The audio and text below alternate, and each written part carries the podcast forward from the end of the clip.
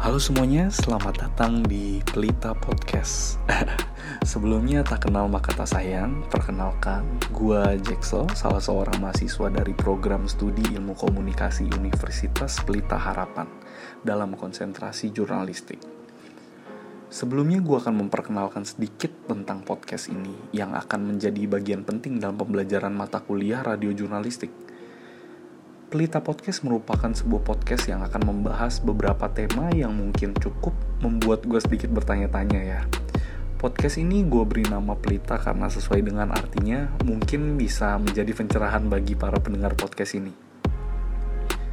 Dalam podcast ini juga tentunya gue ingin membagikan sedikit pola pandang terhadap beberapa aspek dalam kehidupan, salah satunya pandemi COVID-19 ini.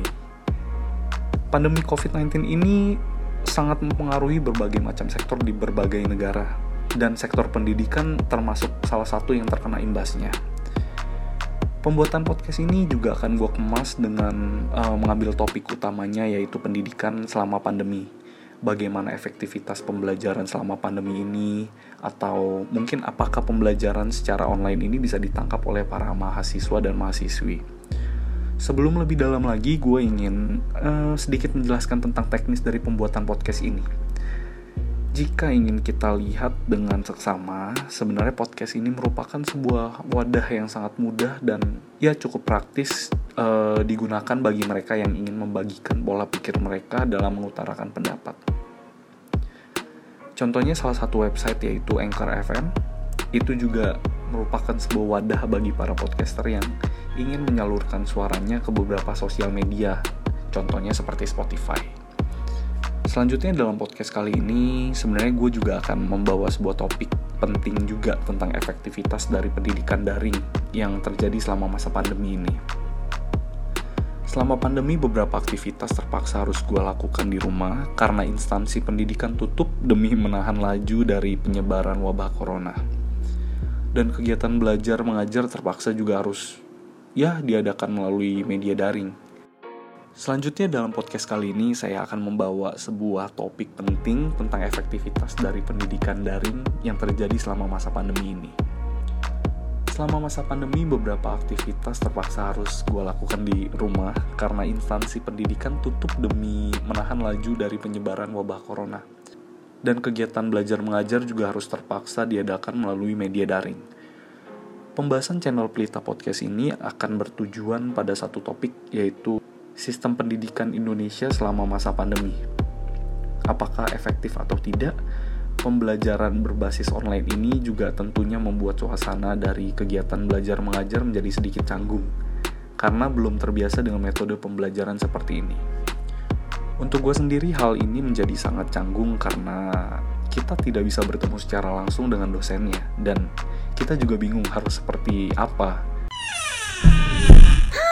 Kenapa Nadia? Ya ampun, lemari gue udah penuh banget. Banyak baju udah gak muat nih. Hmm, apa harus dibuang kali ya? Eh jangan dibuang, mending disumbangin aja. Ah, tapi gue gak tahu harus sumbangin ke mana. Nah, kebetulan banget nih Nat, Lentera Bagi Bangsa lagi membuka Garret Sale bertemakan Natal. Mereka menerima barang baru dan bekas untuk menggalang dana bagi anak-anak sekolah Lentera Harapan agar dapat melanjutkan pendidikannya. Barang yang didonasikan mulai dari baju, tas, sepatu, mainan, sampai tanaman pun juga bisa loh. Dan tentunya masih banyak jenis barang lain yang diterima nih. Wah, ternyata barang bekas gue masih bermanfaat banget ya. Gimana caranya? Gampang banget nih Nat caranya. Pengumpulan barang donasi dimulai dari tanggal 13 sampai 26 November 2020. Barang dapat langsung diserahkan ke kantor Lentera Bagi Bangsa di Universitas Pelita Harapan Karawaci, Gedung C, lantai 1, atau dikirim menggunakan ekspedisi ke alamat tersebut. Untuk informasi lebih lanjut, dapat menghubungi WhatsApp Lentera Bagi Bangsa di nomor 0811 894 7500 Sekali lagi di nomor 0811 894 7500. Oke deh, gue siap-siap berberes dulu ya. Lentera bagi bangsa, bantu satu, bantu semua.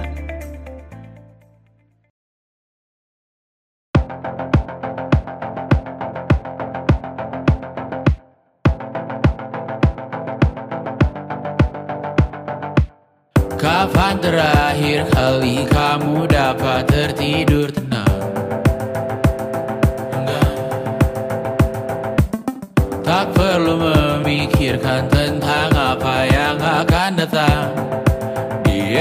Hari. Tubuh yang berpatah hati bergantung pada gaji, berlomba jadi asri, mengais validasi, dan aku pun tak hadir. Seakan paling mahir Menenangkan dirimu yang merasa terpinggirkan dunia Tak pernah adil Kita semua gagal Angkat minumanmu bersedih bersama-sama Ah, ah, ah, ah.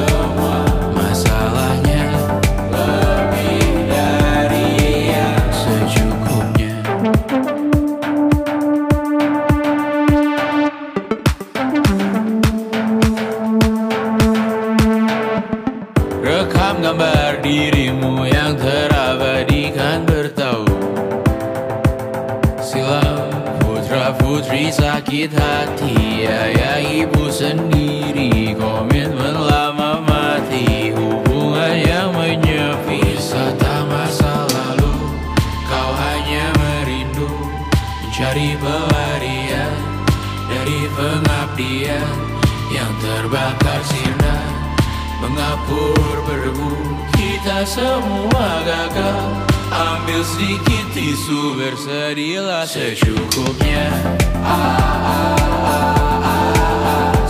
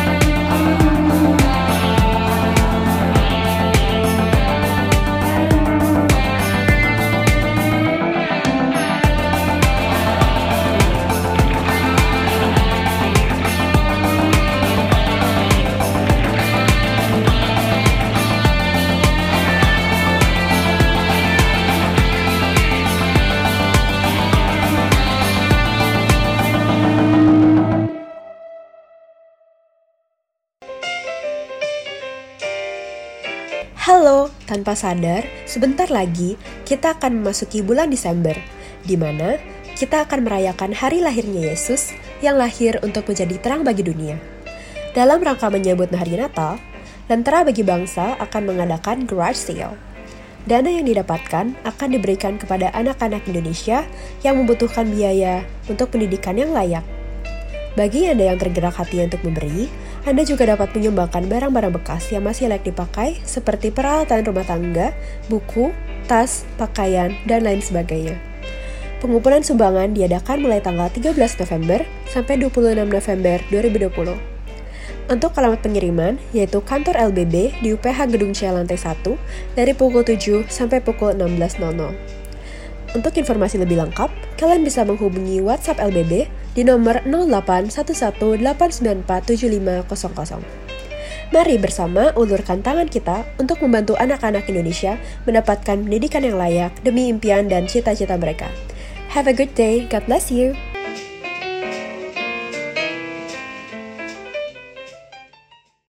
Ya, selamat pagi Pak eh, Pak Ade Roza. Eh, sekarang saya sebenarnya ini untuk memenuhi tugas akhir dari radio jurnalistik sih Pak.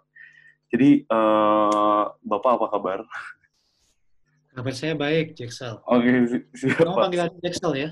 Iya, saya Jacksel doang Pak panggilan. Di KTP, di eh, semua data-data kelahiran juga Jacksel doang.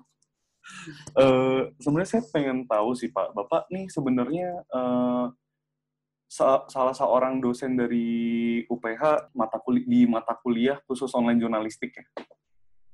Eh, online jurnalistik itu salah satu aja. Saya eh, mata kuliah yang terkait dengan jurnalistik. Jadi eh, bisa penulisan berita, bisa eh, media manajemen dan lain-lainnya. Kebetulan semester ini memang saya hanya mengajar online jurnalistik. Oh gitu.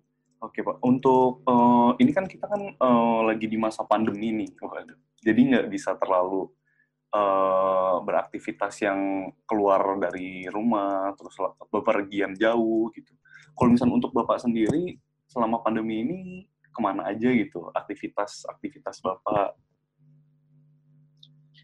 Ya, kebetulan saat ini saya eh, sedang tidak di Jakarta ya, jadi saya tinggal di Sydney dan eh, selama pandemi ini di Sydney memang seperti halnya di Jakarta juga yang memperlakukan sempat yang namanya kerja di rumah ya work from home, kemudian school from home, tapi itu hanya beberapa bulan gitu. Sekarang hampir semuanya sudah kembali normal gitu. Jadi kalau selama eh, lockdown itu saya memang sempat hanya beraktivitas di rumah gitu, nggak pernah keluar. Keluar itu mungkin hanya untuk belanja kebutuhan-kebutuhan yang sifatnya eh, mendesak lah gitu. Eh, dan belakangan ini setelah lockdown mulai di apa mulai dikendorkan gitu, saya setiap hari sudah bisa berkantor gitu. Tapi memang eh, yang namanya protokol kesehatan itu tetap berlaku ya. Misalnya eh, kita nggak bisa duduk sembarangan di dalam kereta karena sudah ada eh, tanda-tanda di mana harus duduk. Kita nggak bisa antri sembarangan, ada titik untuk antrian. Udah ada Kemudian protokol kesehatan yang jelas Ya. lah ya Pak ya. Ya, jadi harus pakai masker juga. Ini karena saya di dalam ruangan, ruangan sendiri, jadi saya nggak pakai masker ini. Ah, baik. Eh, untuk eh, Bapak sendiri, sebenarnya eh, Bapak ini pas meng- eh, pas mengemban pendidikan semasa eh, kuliah, Bapak mengambil jurusan apa ya kira-kira? Maksudnya konsentrasinya sih, kalau jurusan kan udah jelas komunikasi ya. Cuman kalau konsentrasinya juga jurnalistik. Kalau S1 saya sebenarnya nggak ada kaitan dengan jurnalistik, ya mungkin ada sedikit, tapi S1 saya tentang sastra, Eh, kesusastraan, kemudian S2 saya memang langsung fokus ke jurnalistik. gitu. Ah, baik, baik, baik. Eh, kalau misalnya untuk sekarang ini, selain di UPH, apakah Bapak punya ini eh, pekerjaan lain di luar UPH? Eh, Sebenarnya saya masih eh, menjadi ini ya, masih menjadi eh, karyawan di katadata.co.id. Jadi katadata.co.id ini sebuah media online. Saya masih terdaftar di situ meskipun saat ini status saya sedang cuti dari perusahaan itu gitu. Ah, baik, Pak. Eh, sekarang kita masuk ke topik yang agak sedikit mendalam tentang eh, perkuliahan. Nah, selama perkuliahan ini, Bapak kan tentunya juga mengajar beberapa kelas eh, di UPH kan. Kira-kira menurut Bapak eh, efektif gak sih pendidikan eh, dengan metode pembelajaran daring seperti ini? Eh, pertama memang ini eh, apa ya? Ini menjadi problem bagi kita semua ya, bagi pengajar, kemudian juga bagi mahasiswa dan universitas karena perubahan yang mendadak dari kuliah secara offline menjadi online ya. Eh, Hmm. problem kemudian muncul dari dari mulai problem teknis seperti sambungan yang lemot dan lain sebagainya sampai kepada problem problem yang esensial yang mungkin yang Jacksel tanyakan itu ya soal efektivitas. Eh, memang sulit untuk eh, mencapai tingkat efektivitas pengajaran offline ya dengan menggunakan Zoom atau dengan menggunakan perangkat teknologi ini. Eh, pengalaman saya bahkan pengalaman Jacksel sendiri kan bagaimana eh, interaksi itu menjadi seolah-olah kita kehilangan sense of interaction between kita gitu. Jadi kita nggak merasakan uh, diskusi atau debat-debat seperti halnya di kelas. Nah itu yang kurang. Ah. Kemudian juga secara teknis uh, ketika saya ingin menampilkan satu contoh itu saya harus bolak-balik share screen, tutup lagi. Padahal saya ingin loncat dari satu website yang lain ke presentasi dan lain sebagainya itu cukup merepotkan. Dan juga uh, ini ya terkait dengan mata kuliah jurnalistik pada khususnya jurnalistik ini kan sebenarnya mata kuliah uh, mata kuliah praktis ya. Iya betul. Mata kuliah praktis itu artinya mata kuliah yang memang harus kita praktekkan seperti halnya profesi jurnalistik itu. Nah ini menjadi problem ketika saya memberikan penugasan untuk mahasiswa ya. Uh, dan saya harus mengutamakan keselamatan dalam hal ini. Jadi saya nggak bisa menekan atau mempush mahasiswa untuk misalnya harus mewawancarai si A, harus melakukan reportase ke lokasi, harus menemui si oh. ini. Nah, akhirnya kan mahasiswa sendiri juga hanya bisa mengandalkan uh, teknologi untuk melakukan reportasi atau wawancara. Nah, jadi di sini kemudian saya harus mengkompromikan uh, apa target yang ingin saya capai dengan kondisi yang kita hadapi saat ini gitu. Oh, okay. Ini juga hal yang sama yang sebenarnya dihadapi oleh media saat ini dalam tataran profesional ya. Jadi nggak hanya di dunia akademik, di dunia akademik kita uh, bingung, di dunia profesional mereka juga bingung. Wartawan hmm. kan harusnya mereka keliling ke mana-mana kan, melakukan reportasi ke orang, tapi gerak mereka juga terbatas oleh pandemi uh, ini. Protokol-protokol ya, ya oleh pandemi ini. Iya. Gitu. Nah, memang pada akhirnya yang bisa kita lakukan adalah memaksimalkan apa yang uh, kita punya untuk memperkaya kelas-kelas ini gitu. Apakah misalnya uh, kalau dalam uh, kuliah jurnalistik online ini kita mengeksplor fitur-fitur online, kita menggunakan data, bagaimana kita mencari berita melalui data gitu. Nanti saya juga akan sampaikan di kelas, saya akan meminta mahasiswa untuk saya akan memberikan data, kemudian data itu diolah untuk menjadi uh, berita. Jadi yang namanya reportase ke lapangan, laporan langsung itu dikurangi, tapi uh, mahasiswa bisa membuat berita dengan dengan uh, melihat data-data yang ada. Gitu. Ah, baik Pak. Dari pernyataan Bapak tadi, berarti uh, banyak banget atau banyak permasalahan-permasalahan uh, minor maupun mayor yang mempengaruhi uh, kualitas dan efektivitas pendid- uh, pembelajaran daring ya Pak. Nah untuk meminimalisirnya sendiri, kira-kira Bapak uh, biasanya melakukan apa untuk tidak terjadi sepertinya miskomunikasi atau kesalahan uh, interpretasi dari materi yang Bapak sampaikan?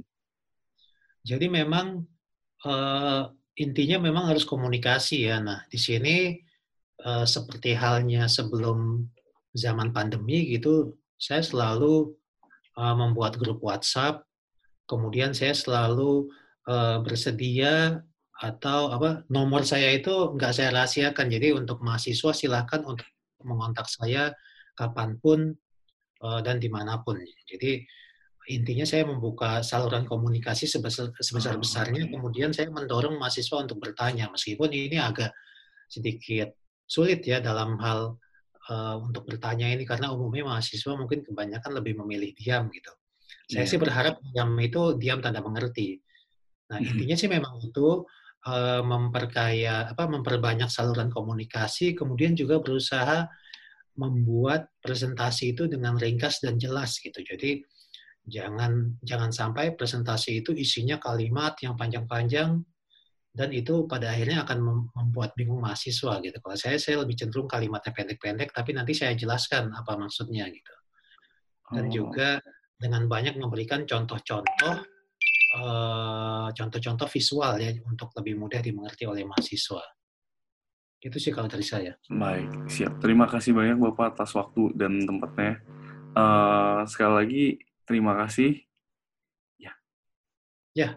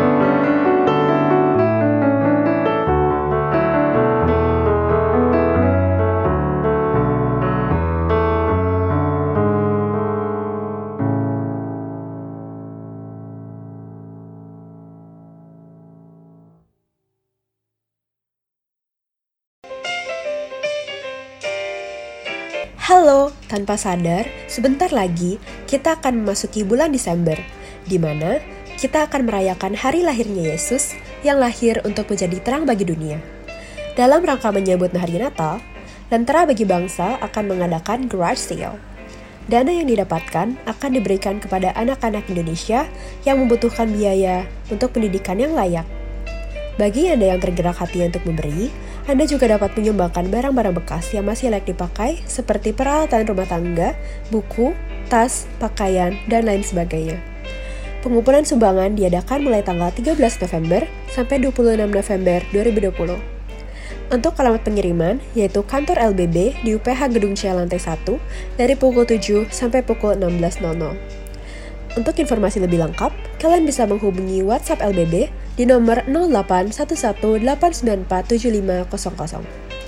Mari bersama ulurkan tangan kita untuk membantu anak-anak Indonesia mendapatkan pendidikan yang layak demi impian dan cita-cita mereka. Have a good day, God bless you.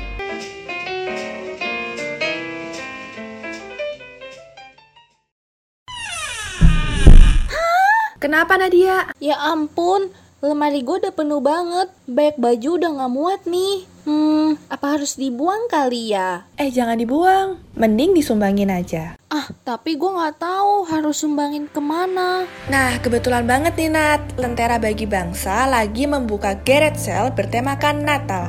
Mereka menerima barang baru dan bekas untuk menggalang dana bagi anak-anak sekolah Lentera Harapan agar dapat melanjutkan pendidikannya. Barang yang didonasikan mulai dari baju, tas, sepatu, mainan, sampai tanaman pun juga bisa loh. Dan tentunya masih banyak jenis barang lain yang diterima nih. Wah, ternyata barang bekas gue masih bermanfaat banget ya. Gimana caranya? Gampang banget nih Nat caranya. Pengumpulan barang donasi dimulai dari tanggal 13 sampai 26 November 2020. Barang dapat langsung diserahkan ke kantor Lentera Bagi Bangsa di Universitas Pelita Harapan Karawaci, Gedung C, lantai 1, atau dikirim menggunakan ekspedisi ke alamat tersebut. Untuk informasi lebih lanjut, dapat menghubungi WhatsApp Lentera Bagi Bangsa di nomor 0811 894 7500 Sekali lagi di nomor 0811 894 7500. Oke deh, gue siap-siap berberes dulu ya. Lentera bagi bangsa, bantu satu, bantu semua.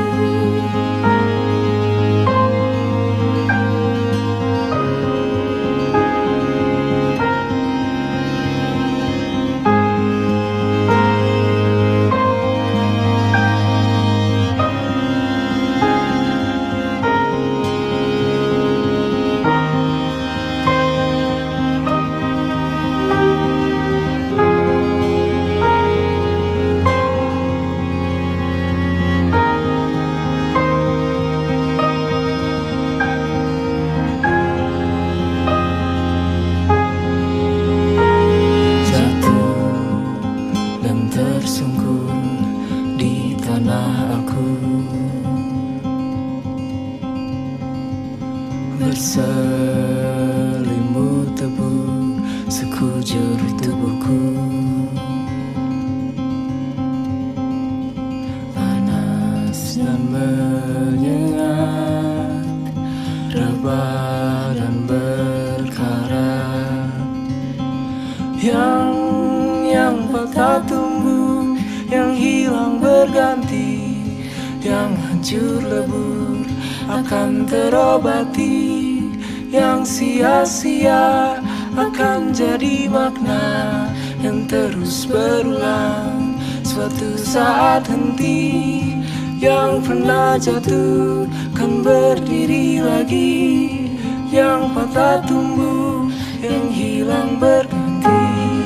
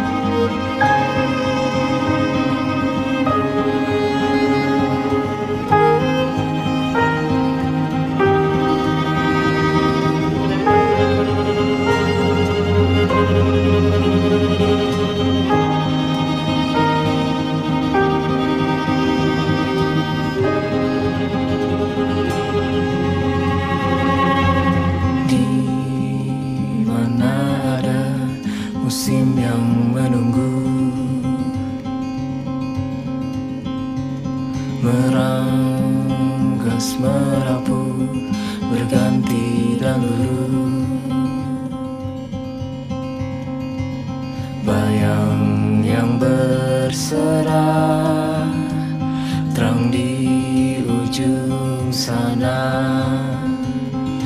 Yang yang patah tumbuh yang hilang berganti yang hancur lebur akan terobati yang sia-sia akan jadi makna yang terus berulang suatu saat henti yang pernah jatuh kan berdiri lagi yang tumbuh yang hilang berganti.